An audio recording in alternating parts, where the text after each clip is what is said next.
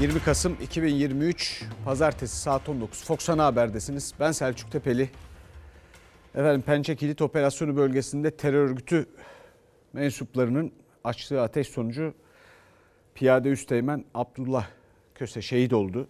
Aziz şehidimize Allah'tan rahmet, ailesine ve milletimize başsağlığı diliyoruz. Başka can kayıplarımız da var. Yurt genelinde etkili olan fırtına, kuvvetli yağış biliyorsunuz 3 çocuk 9 kişi hayatını kaybetti. Ayrıca 11'de kayıp var bir gemi mürettebatından. Şu anda gemi ortadan bölündü. Koordinat hiçbir şey göstermiyor. Lütfen yardım edin. Sel ve fırtına vurdu. Batman, Zonguldak ve Diyarbakır'da 9 kişi hayatını kaybetti. Zonguldak açıklarında kaybolan Türk gemisine hala ulaşılamadı. 11 mürettebat aranıyor. Zonguldak Ereğli'de de eğitime 2 gün daha ara verildi. İşte kayıp geminin son görüntüsü. Rusya'dan İzmir Ali Ağa'ya yük taşıyordu. Zorlu hava koşulları nedeniyle Zonguldak'ta Karadeniz Ereğli'de bir süre limana sığındı. Ayrıldıktan kısa süre sonra da gemiyle irtibat kesildi. Kayıp bir mürettebatımızı bulduk, teşhis ettik. 11 kayıp mürettebatla ilgili hava koşullarının düzelmesiyle arama kurtarma faaliyetlerine bu sabah erken saatlerde başlamıştır. 9 can kaybının biri o gemideki personel. Yine Zonguldak'ta 3 kişi de selin sürüklediği otomobilde hayatını kaybetti. Marmara'da başlayan yağış doğuya kaydı. Batman'da da sel nedeniyle kerpiç ev çöktü. 7 kişilik aile suya kapıldı. 54 yaşındaki Lalihan Güner ve 3 küçük torunu 11 yaşındaki Asenat, 5 yaşındaki İsrafil ve 9 yaşındaki Birgül'ün cansız bedenlerine ulaşıldı. Diyarbakır'ın Hani ilçesinde de dere taştı. 45 yaşındaki engelli Behçet Avcı eve dönemeyince ailesi ihbarda bulundu. Onun da selde sürüklendiği ortaya çıktı. Hastaneye kaldırıldı ama kurtarılamadı.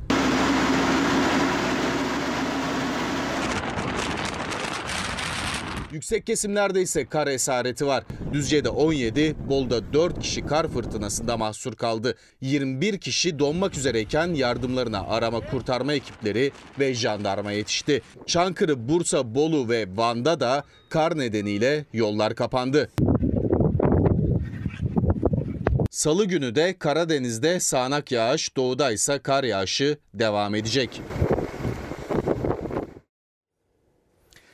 Efendim son 50 yılda dünyada doğal afet sayısı 5 kat artmış. 5 kat. Küresel iklim krizi e, sebeplerden başlıcalarından biri. Ekonomide yarattığı hasar kayıplar 7 kat artmış. Birleşmiş Milletler raporu. Can kaybıysa felaket afet başına can kaybıysa %35 düşmüş Türkiye hariç. Türkiye'de yükseliyor. Sebep? Bunlar hepsi öngörülebilir ve tedbir alınabilir olaylar. Bundan 20 sene önce sadece ben yazdım. Nusret Dalfes İstanbul Teknik Üniversitesi uluslararası bir araştırmayla bütün bunları anlattı.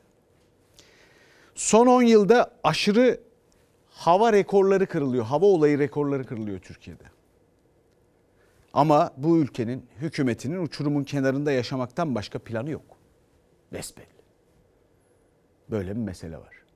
Öyle mi? Uçurumun kenarında yaşamaktan başka planımız yok? Hükümet, hükümet etmek bu mu? Ama maalesef yaşatmaktan daha iyi bildikleri şey galiba defnetmek. Bununla ilgili bilgiler vermeye devam edeceğim. Çok çarpıcı veriler, bilgiler var. Ama şimdi siyasete geçelim. Siyasette de bir tartışma var. 50 artı 1 tartışması. Cumhurbaşkanlığı hükümet sistemi itirafı. %50 seçilme yeterliliği yeni sistemin adeta omurgasıdır. %50 sınırının konması vazgeçilmez bir kriterdir. 50 artı 1 şartının değişmesi isabetli olur. Çoğunluğu alan adayın seçilmesi usulüne geçilmesi halinde Cumhurbaşkanlığı seçimi de seri olur, uğraştırmaz ve yanlış yollara da sevk etmez. %56 bir Cumhurbaşkanlığı hükümet sisteminin mihveridir. 50 artı bir meselesi de yeni anayasa hedefi doğrultusunda bunların hepsi konuşulup tartışılabilir. Sistemin iflasıdır. Geçmişte 50 artı 1 sisteminin tartışmaya açıldığı günlerde tavrını net olarak ortaya koyan Devlet Bahçeli, Erdoğan'ın bir kez daha 50 artı 1 şartı değişmeli açıklamasıyla ilgili henüz konuşmadı. Muhalefet Erdoğan'ın sözleri Cumhurbaşkanlığı hükümet sisteminin iflasının itirafı derken AK Parti'den yeni açıklamalar geldi. Bu düzenlemenin yürürlüğe girmesinden bugüne siyaset sahnesinde yaşananlar bu şartın siyaset kurumu ve millet iradesi üzerinde bir baskı unsuru haline geldiğini, siyasetin doğal mecrasını tahrip ettiğini, parçalı ve istikrarsızlığa gebe bir tablo oluşturduğunu gözler önüne sermiştir. Buradan başlayacak bir tartışma hatta taviz yeni yönetim sisteminin işleyiş ve ilerleyişini melezleştirip sakatlayacaktır. Acaba MHP kendilerinin dışlandığını, onlara gerek duyulmayan bu senaryoyu nasıl değerlendirecek? Cumhurbaşkanlığı hükümet sistemine geçişle birlikte Cumhurbaşkanının seçilme şartı da %50 artı 1'e bağlandı. 50 artı 1 ilk kez 2019 yılında tartışmaya açıldı. Eski Bakan Faruk Çelik'in 40 artı 1 olmalı sözleriyle. Erdoğan önce destek verdi. Sonrasında Cumhurbaşkanlığı hükümet sisteminin omurgası diyerek 50 artı 1'i savundu. 2021 yılında tartışma yeniden iktidar cephesinden yapılan açıklamalarla raftan indi. Parlamento daha önce anayasayla ilgili bu konuda karar verdi. Yeni bir karar verir mi vermez mi onu da görürüz. Bu sistemin demokratik meşruiyet temeli %50 artı 1'dir. Doğrusu ben de olmasından yanayım. Buradaki 50 artı 1, %50 artı 1 oy bu demek. Bu seçimden sonra böyle bir adım atılabilir. 2023 yılı Mayıs ayında seçimden hemen önce Cumhurbaşkanı Erdoğan 50 artı 1 şartı değişmeli demişti. Seçimden 6 ay sonra Almanya dönüşü uçakta bir kez daha açıkça dile getirdi. Mevcutta 50 artı 1 mecburiyeti partileri yanlış yollara sevk ediyor. Kimin eli kimin cebinde belli değil. Yok altılı yok 16'lı masa. Altılı masa diyor. Kimin eli kimin cebinde belli değil diyor. Cumhur İttifakı da 6 üyeden oluşuyordu. Kimi kastediyorsunuz? Cumhur İttifakı'nda çok net bir kriz olduğu ortada. Demek ki AKP'nin artık MHP'ye bir ihtiyacı kalmadı. Hatta daha da ötesi MHP'yi sırtında bir yük olarak görmeye başladı. Gözler şimdi MHP lideri Devlet Bahçeli'de. Bugüne kadar 50 artı 1 şartının değiştirilmesine yönelik iktidara her seferinde kapıyı kapatan, sistemi sakatlar diyen Bahçeli, Erdoğan'ın son açıklaması sonrası henüz sessiz. Valla ben bilmem. Muhtemelen siz de öyle düşünüyorsunuz. Efendim kim kimin sırtında yükmüş. Neymiş ne değilmiş. Ya onlar getirdi.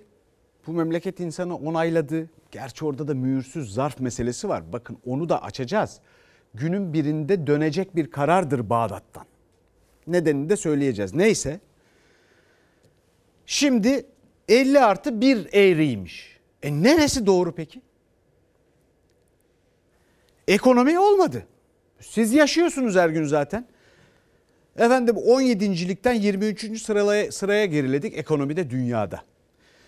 Dünya ticaretinden aldığımız payda 1980'li yıllara geriledik. Sözde sürekli ihracat rekoru filan diyorlar.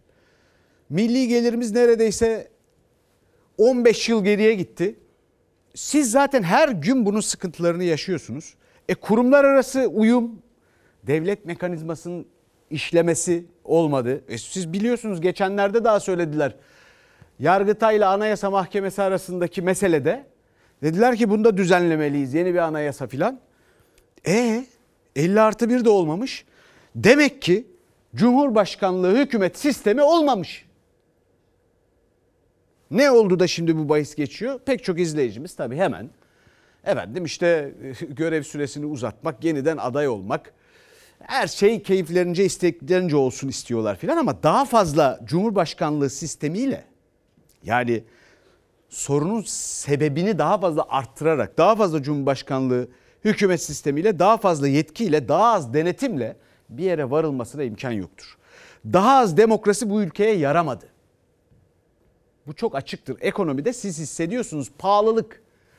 Çarşıda pazardaki pahalılığın sebebi budur. Adaletsizlik. Geleceğiz şimdi o haberlere. Kentsel dönüşüme rezerv alan endişesi. Şusu busu. Efendim olmadı yani. E, ya her şeyi bozdu. Sağlığı bozdu sağlığı. Ortalama insan ömrü kısaldı Türkiye'de ya.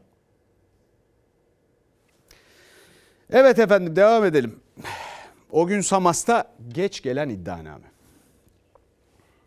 O gün Samas tetikçi ile ilgili olarak iddianame düzenlenmişti. Nisan ayında bu iddianame bir takım eksiklikler nedeniyle iade edilmişti. Eksiklikler giderilerek yeni iddianame tekrar çocuk mahkemesine sunuldu. Durum bundan ibaret. Açıkçası bu işin birileri tarafından sümen altına itildiğini gösteriyor. Yargılama devam ederken iddianame düzenlenip bir karar verilmesi gerekirdi. Hrant Dink'in katili o gün Samast'ın şartlı tahliye edilmesinden sonra ortaya çıkan yeni iddianame ile ilgili Adalet Bakanı Yılmaz Tunç iddianamenin Nisan ayında düzenlendiğini ama eksiklikler nedeniyle iade edildiğini söyledi. 7 ay sonra mahkeme kabul etti. Samast Dink cinayetinden tahliye edildikten sonra Bugüne kadar neredeydiniz? Nisan ayı, şimdi gelmişiz Kasım ayı.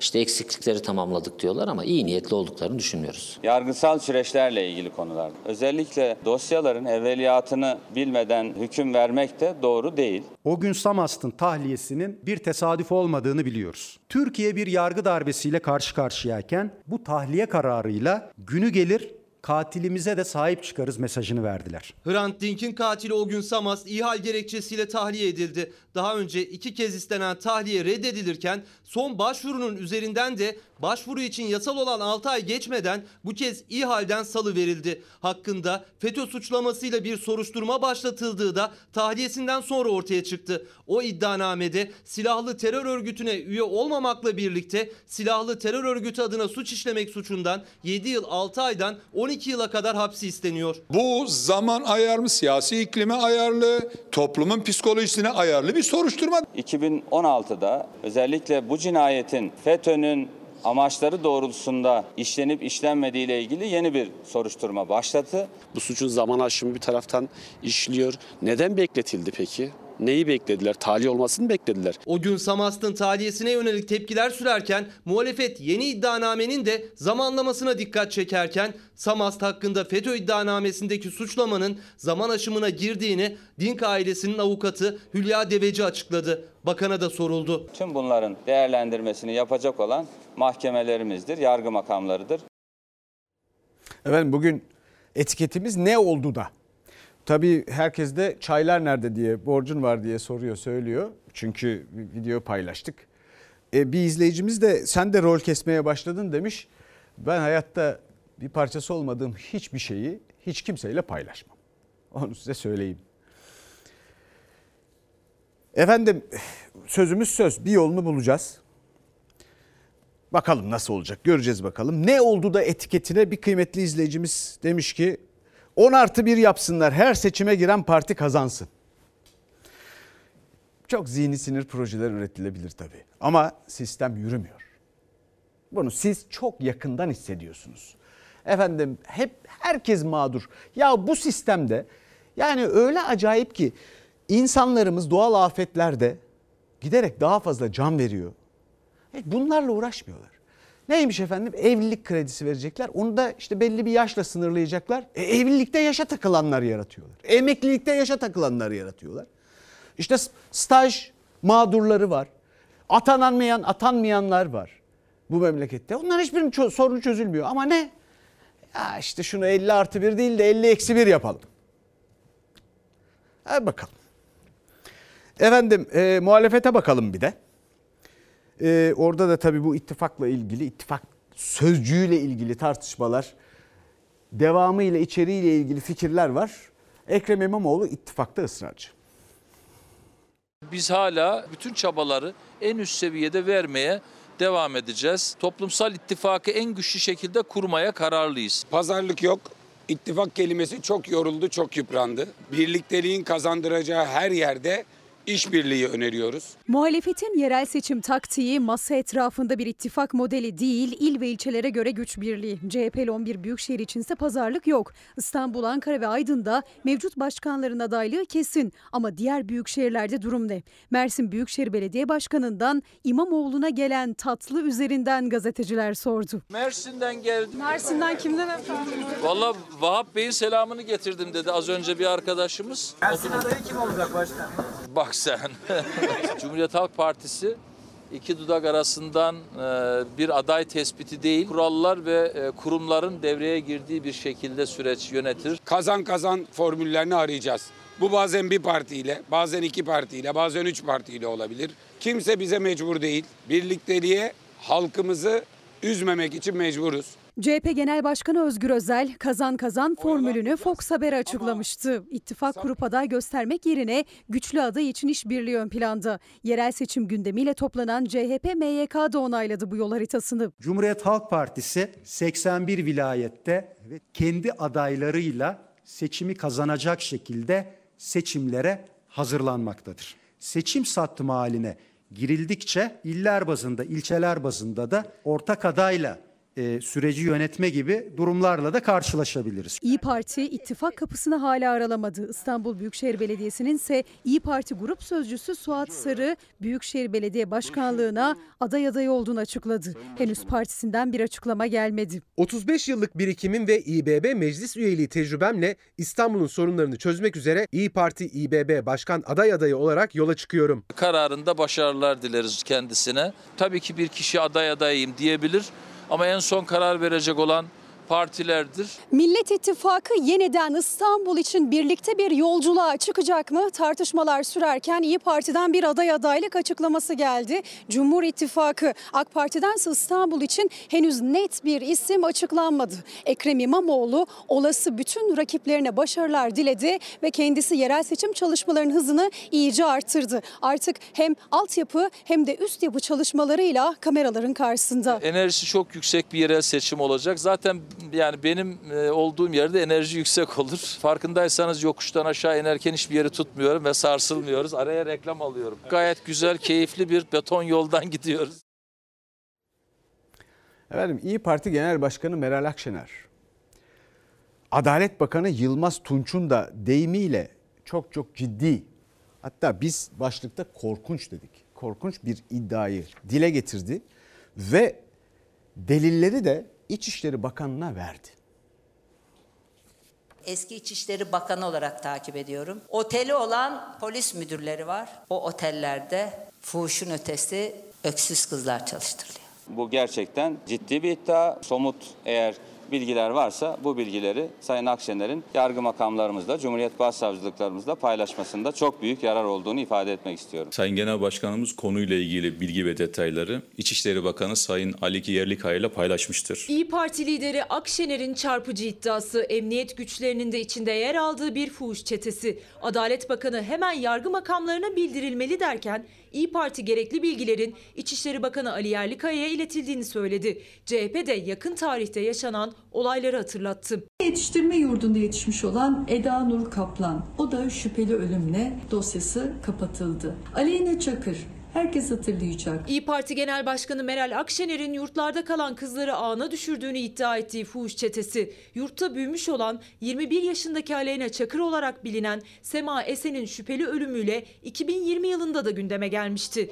Cinayet şüphelisi ve fuhuş çetesini yönettiği iddia edilen Ümitcan Uygun ifadesi alındıktan sonra serbest bırakılmıştı. Gene yetiştirme yurdunda yetişmiş olan bir başka kız çocuğu, o da Esra Hankulu. Gene Ümitcan Uygun tarafından öldürüldüğü kanıtlandı. Çok geçmeden Ankara'da bir başka kadın cinayeti yaşandı. Yine yurtta büyümüş olan 25 yaşındaki Esra Hankulu ve cinayet şüphelisi yine aynı isim. Ümitcan Uygun bu kez tutuklandı. 10 yıl hapis cezası aldı. Annesinin ölümünün üzerindeki sis perdesi aralanamadı. Ümitcan Uygun'un annesi olan Gülay Uygun ise 18 yaşının altındaki yetiştirme yurdundaki çocukları seks işçiliğine zorladığı gerekçesiyle soruşturma dosyası açılması sonrasında yargılanmaya başlanmıştır ki o da şüpheli ölüm yaşamını kaybetti.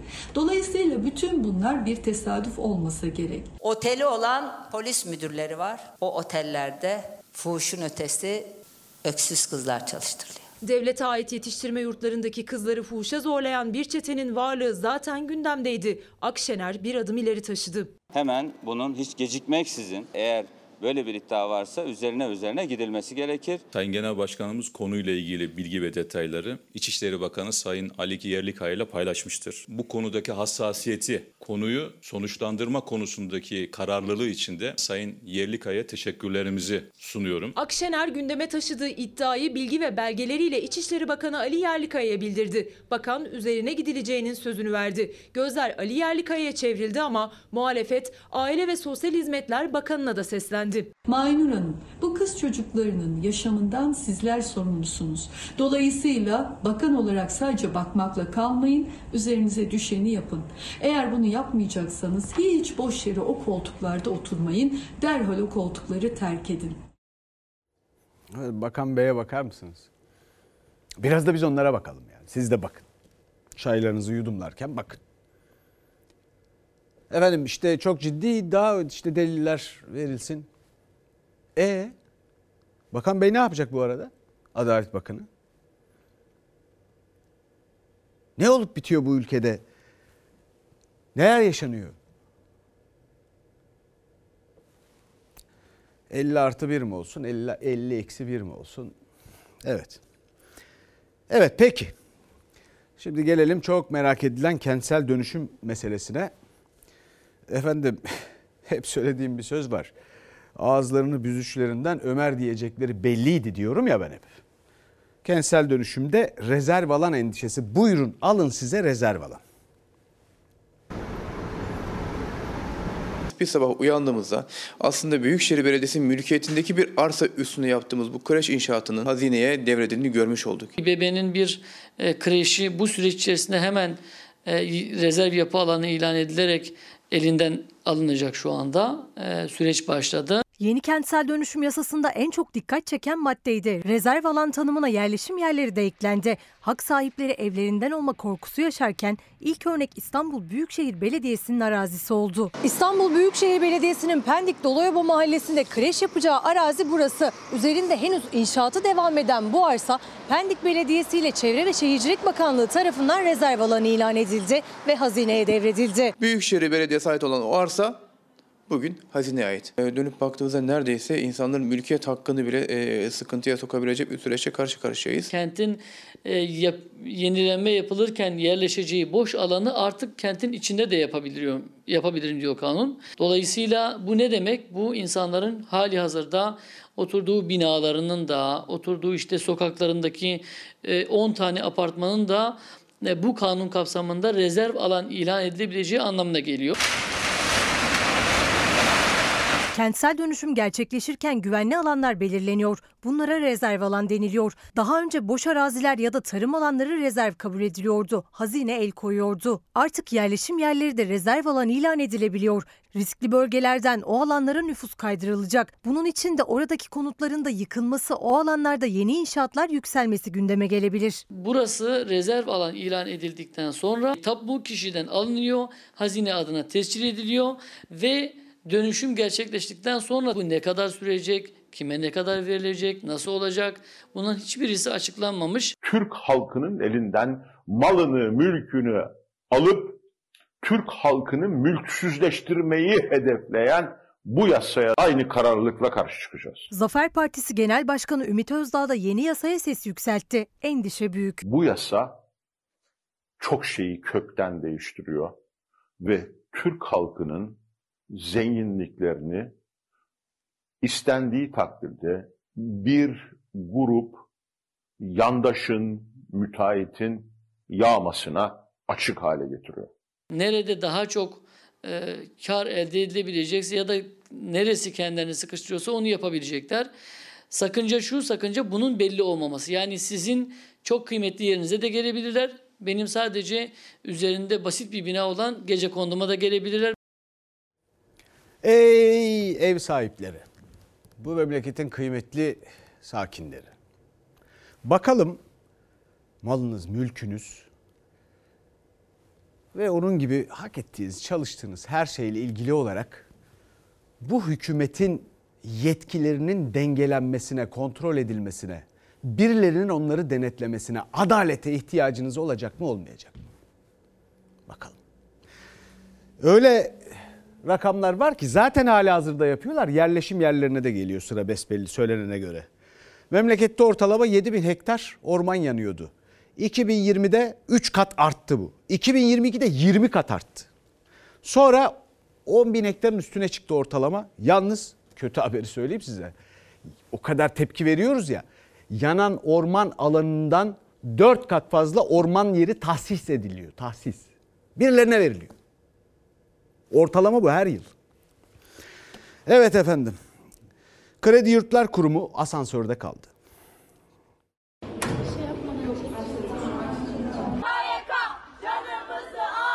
Asansör kazaları, yaşam şartlarının zorlaştırılması, yemeklerin kötülüğü gibi ses çıkarmaya çalışıyoruz. Gaziantep'te KYK yurdunda asansör düştü. İçinde 7 öğrenci vardı. Üçüncü kattan bindiler. Bir anda kendilerini eksi birde buldular. Devletin yurtlarında asansör kazalarının arkası kesilmiyor. Aydın'daki KYK yurdunda Zeren Ertaş'ın hayatını kaybettiği kazanın ardından Çorum, Ordu, Sivas, Rize, Muş ve son olarak Gaziantep. Öğrenciler kazadan yara almadan kurtuldu, arkadaşları eylem yaptı. Ülkemizin geleceğine emanet ettiğimiz KYK yurtlarında geniş çaplı bir araştırma başlatılmak ve bir daha benzer kazaların yaşanmasının önüne geçilmek zorunda. Gaziantep Abdülkadir Güllüoğlu KYK yurdundaki asansör kazasının ardından CHP Genel Başkanı Özgür Özel de tüm yurtlar için araştırma başlatılmasını istedi. Gençler can güvenliği endişesi taşıyor. Sadece asansörler yüzünden de değil sık sık gıda zehirlenmeleri de yaşanıyor KYK yurtlarında. Yurtların bağlı olduğu Gençlik ve Spor Bakanı Osman Aşkın Baksa meclisteki bütçe görüşmelerinde yemeklerle övündü. Bakanlık yurtlarında barınan öğrencilere ulusal ve uluslararası gıda mevzuatına uygun, yeterli ve dengeli beslenmelerine katkı sağlayıcı çeşitlilik ve miktarda kaliteli besin değeri yüksek ve güvenli gıda sunumu sağlanmaktadır. İçinden böcek de çıkabiliyor, saç da çıkabiliyor. Kıl falan o tarz şeyler çıkabiliyor bazen. KYK yurtlarında kalan öğrenciler güvenlik zafiyeti bir yana yemeklerin yeterince hijyenik olmamasından da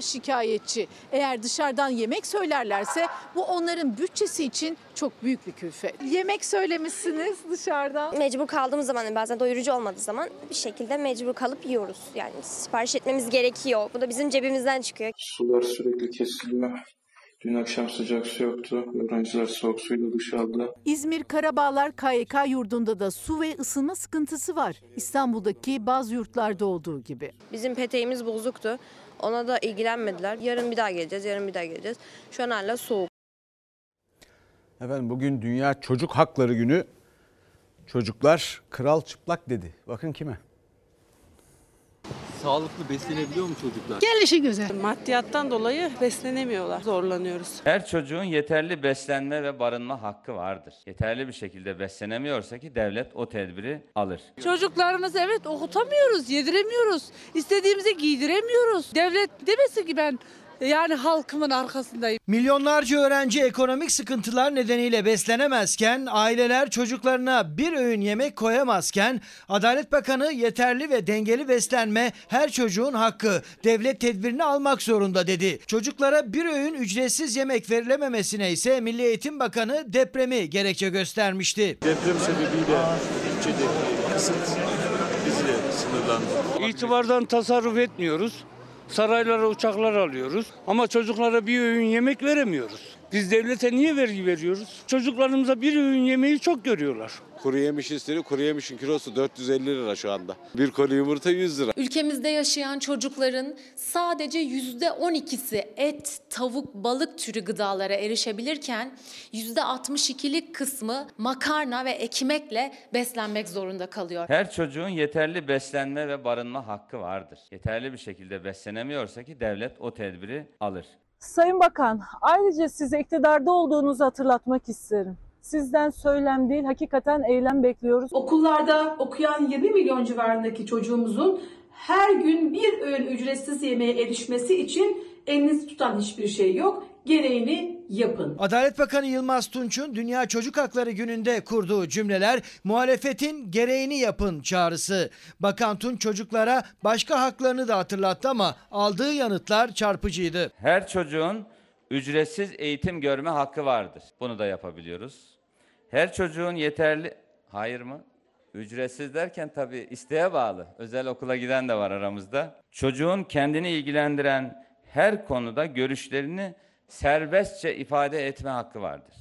Serbestçe ifade edebiliyor musunuz? Yani ben bu konuda şöyle düşünüyorum öğretmenim dediğinde otur yerine mi diyor? Öyle mi diyor? Milli Eğitim Bakanımıza söyleyelim bu durumu. Görüşlerinizi serbestçe ifade edin. İfade etmek sizin en doğal hakkınız. Ya ya öyle veri verirler cevabı işte çocuklar. Efendim en azından ön yargısız doğarız. Hakan Günday'ın lafı. Yazarımız. Önemli bir laftır. Gazze'de saatte 6 çocuk hayatını kaybediyor. Konuşuyor hep. Elektrikli araçta ÖTV indirimi. 2 milyon 185 bin TL'ydi Cuma günü.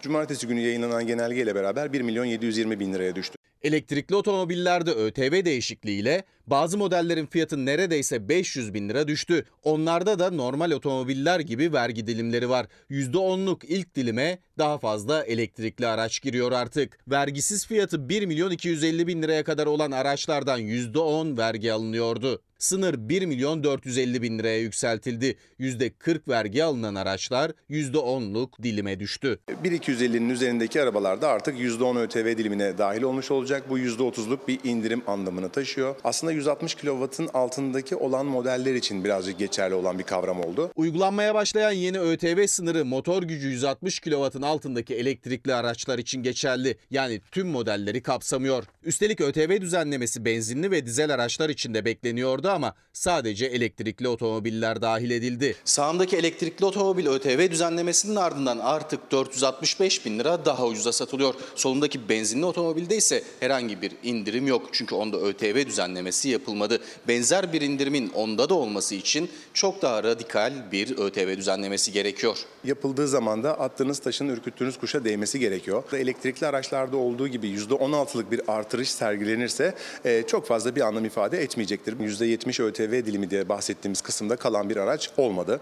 E, şu anda hep bütün araçlar %80 ÖTV diliminde. Akaryakıtla çalışan otomobillerde %45, 50, 60 ve 70'lik ÖTV dilimine giren araç kalmadı. Özel tüketim vergisi %80'den %220'ye kadar çıkıyor. Bu da araçların fiyatının katlanması demek. Uzun süredir ÖTV düzenlemesi bekleniyor. Çok uzun zaman oldu. Yani bu e, yeniden değerleme oranı baz alınarak aslında düzenlenmesi gerekiyordu. Uzun süredir maalesef ki e, olduğu yerde kalıyor. Futbol dünyasında dolandırıcılık davası başladı. Tehlikeli bir pozisyon Muslera. Selçuk muhteşem bir gol. Sporcu olarak da bu artı puanları toplamaktan gurur duyacağım. Futbol dünyasının ünlü isimleri iddiaya göre özel banka müdürünün yüksek kar vaadine aldandı. Milyonlarca dolarlık dolandırıcılık tuzağının kurbanı oldu. 216 yıla kadar hapis cezası istenen eski banka müdürü Seçil Erzan hakim karşısına çıktı. Fon adı altında kimseden para almadım. Bana herkes çok para kazanmak için ikna olmuş şekilde geldi. Kazandırırken seçildim, kazandıramayınca dolandırıcı oldum. Seçil Erzan İstanbul'da özel bir bankanın şube müdürüydü. Zamanla futbol dünyasından pek çok ismin güvenini kazandı. Fatih Terim'in kızı ve damadı da o isimler arasındaydı. Yüksek getirili fon olduğunu söylemesi üzerine yatırım amacıyla birikmiş 3 milyon 600 bin lira gönderdim. Bu para 190 bin dolara çevrildi, geri ödenmedi. Bunun kalıcılığı da o anlamda hani kurutmadan dudağınızdaki kalan rengi de çok güzel oluyor. Seçil Erzan bana yüksek getirili bir fon olduğunu söyledi. Paraya karşılık herhangi bir dekont almadım. Sonrasında Seçil Erzan bana 3 adet kaşeli belge gönderdi. Dolandırılan isimlerden biri de Arda Turan yurt dışındaki hesaplarından para çektiğini, ev sattığını ve yaklaşık 14 milyon doları fondan kar elde etmek amacıyla elden teslim ettiğini söyledi ifadesinde. Sevgili eşim de bana eşlik ediyor sağ olsun. Bu fona kim ne kadar yatırdıysa ona göre kazanç sağlayacak. Bu bir faiz değil denilerek kandırıldım. Çok üzgünüm. Bu olay beni çok yıprattı. Bütün birikimim bir anda gitti. Bir şeye baktığımız yok kardeşim. Beni niye çekiyorsun? 23 yıldır futbolcuyum, 2 senedir teknik direktörüm. Tüm birikimimi beni kandırarak zimmetine geçirmiştir. Emre Belezoğlu 3 milyon 300 bin dolarını kaptırdı. Kaleci Fernando Muslera 500 bin dolarını kaybetti. Toplam 18 kişinin 26 milyon doları buhar oldu. Seçil Erzan'ın 216 yıl hapis cezasıyla tutuklu yargılandığı dava devam ediyor. Ne oldu da formsuz? E kafalar başka yerdeymiş. Görüyorsunuz yani. Efendim bir de e, estetik faciası haberimiz var. Dikkat. Bilmeyenler de Rus tekniği Tabii, diyor. ama herkes Rus tekniği yapıyor bakarsan. Botoks işleminden bir hafta sonra böyle gözümde kısılma oldu. Kayıp yaşamaya başladım, görme kaybı. Bütün sinir sistemim çöktü. Ruhsal olarak bittim ve hayatımı yaşayamaz hale geldim. Güzelleşmek için yaptırdığı estetik işlemler yüzünden hayatı kabusa döndü. Göz kapağı düştü, çift görmeye başladı Seda Yapıcı. Kendisini doktor olarak tanıtan botoks ve dolgu işlemlerini yapanınsa doktor olmadığı ortaya çıktı. O güzellik merkezi ise hizmet vermeye devam ediyor. Çift görmeye başladım. Yani her şeyi çift görüyorum. Yardım olmadan koridorda bile yürüyemiyorum. Kaldırımı görmüyorum, düşüyorum. Bir çocuk annesi Seda Yapıcı 21 Eylül'de İstanbul Mecidiyeköy'deki bir güzellik merkezinde dudağına dolgu, göz çevresine botoks yaptırdı. Bu işlemleri sadece doktorlar yapabiliyor ama HS iddiaya göre kendisini doktor, güzellik merkezini ise bir klinik gibi tanıttı. Klinik olduğunu ve doktor olduğunu düşündüğüm için gittim. Zaten kendisi de böyle beyan ediyordu. Bu insanın gerçekten doktor olmadığını öğrendim. Göz kapağı düşen ve görme kaybı yaşamaya başlayan Seda Yapıcı özel bir hastaneye gitti ve oluşan komplikasyonlarının yapılan botoks işlemi nedeniyle olduğu tespit edildi bu raporla birlikte. Ardından 0.25 olan görme kaybı bugünlerde 12 dereceye kadar yükseldi ve Seda Yapıcı hayatına bu prizma gözlükle devam ediyor. Tek gözümde de öbür gözüme kaydı. Araştırma hastanesine gittim. Maddenin yasal olmayacağını düşündüklerini beyan ettiler. Yani görme kaybım yani %70'lere ulaştı. Seda Yapıcı sosyal medyada yaşadığı mağduriyeti duyurmaya çalışırken aynı kişinin işlem yaptığı başka mağdurlara da ulaştı. Onlardan biri de MU. Dolgu işlemi sonrası dudakları şişip morardı, enfeksiyon kaptı. Doktor olduğunu biliyordum ama halbuki doktor falan değilmiş. Kullandığı belge sahte. Dedi ki bana çabuk gel halletmemiz gerekiyor. Beni uyuşturmadan dudaklarımı sıkmaya başladı. İki kişi kolumdan tutuyordu yani. En son dedim ki ben gidiyorum. Yani şikayet edeceğim seni. Araştırmaya girince bu kliniğin sürekli kapatılma aldığı, bir ay kapatılıp tekrar başka kişinin adına ruhsat çıkarılıp tekrar. Fox Haber'in ulaştığı HS güzellik uzmanı olduğunu ve iğneli hiçbir işlem yapmadığını ileri sürdü. Oysa Seda Yapıcı'ya enjeksiyon yaptığı anlar kameraya da yansımıştı. Mağdurlar şikayetçi. Bu işin peşini bırakmak istemiyorum. Yani ben bugün yasal yola başvurdum ama bu insanların insanların sağlığını hiçe saymasını göz yummak istemiyorum. Bunun başka bir insanların da başına gelmesini istemiyorum. Efendim insanların sağlıklarını önemsemeyeceğini düşünüyorum. Nasıl uyarırsak uyaralım. Ama önemseyeceklerini düşündüğü bir başka uyarıda bulunayım. Herkes birbirinin kopyası oluyor. Bakın böyle estetik kaygılarla operasyona şuna buna girdiğinizde kendi karikatürünüze dönüşmeyin. Bunu dikkate alın. Şimdi bakalım fenomenlere geldik. Operasyonlar filan işte Polatlara ve diğerlerine. E ne oldu da fenomenler yer sofrasına oturdu. Allah Allah. Ay Engin ben de seni çok seviyorum. Ülkesine döviz sokan insanlarız biz. Bir anda büyük e, zincirlere ulaşabilmek bir dış kaynağın e, varlığını gerektirir. Ben burayı dişimle tırnağımla bu kadar büyüttüm hikayesi açıkçası bu tip yerler için çok fazla e, tutarlı değil. Şatafatlı hayatlar bir bir silinmeye başlandı sosyal medyadan. Fenomenler lüks hayat yerine yer sofrası paylaşıyor. Binlerce liralık kıyafetler yerini şalvara bıraktı. 600 sosyal medya fenomeninin mercek altına alınması dikkat çeken o isimlerin ilgisini semt pazarından alışverişe çevirdi. Dilan Polat ve Engin Polat'tan sonra onlarla aynı masanın etrafında toplanan diğer fenomenler de gündemde. Güvenlik danışmanı Feramuz Erdin'e göre bir anda gelen zenginlikleri ve değişimleri en dikkat çeken ortak özellikleri. Herkesi aynı fotoğraf karesine sokabilecek şey olan şey referanstır. Hepsini tanıyan bir kişi var bunları masa etrafında toplayan. O zaman bunlar aslında bir gruptur. Eğer burada suç varsa da zaten bu organize bir suçtur. Turkish Dollar Woman. Şampiyonlar Ligi diye paylaşılmıştı bu fotoğraf. Dilan Polat, Engin Polat ve pek çok sosyal medyada tanınan isim aynı karede. Hemen hepsi güzellik merkezi işletiyor. Kısa sürede zenginleştiler. Dubai ve Gürcistan ziyaretleri de ortak noktaları. Dubai aslında e, Orta Doğu'nun finans merkezi haline gelmiş durumda. Burada legal olduğu gibi e, kara parada tabii ki işlem görüyor ve buradaki bu kişilerin buralara gidip e, yani bir otel lobisinde oturup birilerini bekleyip de ya biz sizin paranızı aklayalım dediklerini düşünmek açıkçası e, birer hayal olur. Muhtemelen bu kişileri birileri buldu. Bu ilişkilere sahip olan birileri bunları buldu veya referans yoluyla bunları elde ettiler. Benimle tatil yapmak nasıl bir duygu? Süper süper süper. Öp zaman.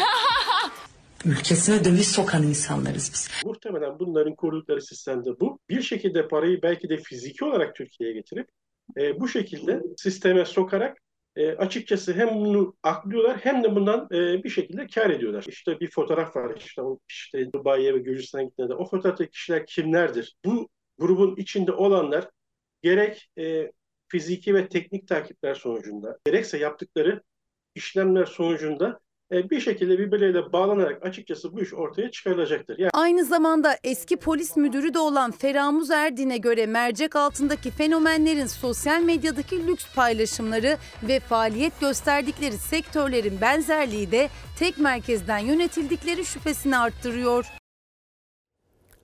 Yok öyle 3 kuruşa 5 köfte operasyonu görünce mahalleye dönme. Yok öyle. Efendim e, Selçuk Tepeli Oficiyal e, Instagram e, Fox Haber e, Fox Ana Haber oralara gelen mesajlardan bakıyorum. Herkese çay borcum var onu görüyorum. Efendim herkese çay borcum var tamam. Şakir'e yok. Çiçek Abbas geldi aklıma şimdi. Şaka şaka herkese var. Bu çay önemli. Önemli. Üstüne konuşmamız gereken çok şey var. Mesela bir dakika bölümünde anlatacağım. Neden öldüğümüz bile tam belli değil, sayılmıyor, tutulmuyor. Gerçi neden doğduğumuzu da düşünmemiz lazım ya. Michel Tournier'den bir şey anlatacağım bir dakika bölümünde. Şimdi devam edelim. Yine bir milli voleybolcumuza tehdit, netice, kezzapla tehdide takipsizlik. Son sayıyı almamız gerekiyor şampiyonluk için. Burja servis Hande ile karşıladık. Hücumda Vargas. 41 kere maşallah. Türkiye'ye büyük gurur yaşatan milli voleybolcu Hande Baladın aldığı tehdit mesajlarını yargıya taşıdı. Yüzüne asit atacağım diyen tacizci hakkında takipsizlik kararı verildi. Güçlü bir şekilde sahaya çıkmak istedik.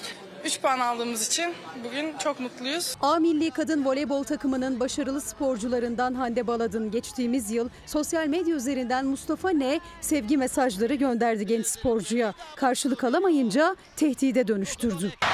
Muhteşem Sultanlar Avrupa'nın. Korkudan antrenmanlara gidemeyecek duruma geldi Hande Baladın. O ve kulübü asitle saldıracağını söyleyen tacizciden şikayetçi oldu. Takıntılı takipçi tutuklandı. İstanbul Cumhuriyet Başsavcılığı tarafından hazırlanan iddianamede zincirleme silahla tehdit suçundan 2,5 yıldan 8 yıla kadar hapis cezası talep edildi. Şimdi önümüzde çok önemli iki maçımız var grup maçımız. Mustafa Ne hakim karşısına çıktığı ilk duruşmada serbest bırakıldı. Dosya hakkındaysa takipsizlik kararı verildi. geldim evimi geride Acımı aldılar kan karıştı terime Evet şimdi Arjantin'e gideceğiz. Global sistemik risklerden bahsedip duruyordum ya anlaşılmaz gibi geliyor ama şimdi bir örneğini göreceksiniz. Arjantin'e akla ziyan başkan.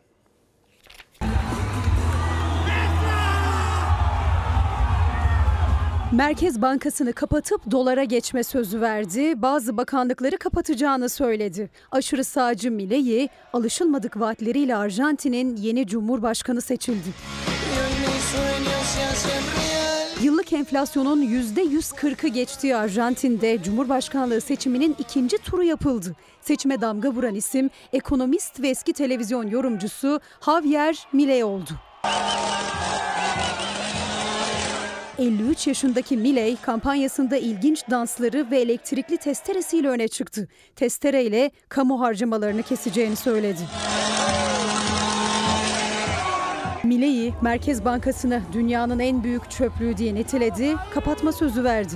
Kamu şirketlerini özelleştireceğini, para biriminin ABD doları olacağını vaat etti. Bu vaatlerle yola çıkan 53 yaşındaki Milei, Ekonomi Bakanı Massa'yı geride bıraktı. %56 oy oranıyla Arjantin'in yeni cumhurbaşkanı seçildi. Zafer konuşmasında Arjantin dünyadaki asla kaybetmemesi gereken yerine geri dönecek dedi. Evet şimdi bir araya gidiyoruz. Ondan sonra bir dakika bölümünde buradayız. Bir hikaye anlatacağım unutmayın. Bu arada da bir çay çekin. İsteyene de kant olsun.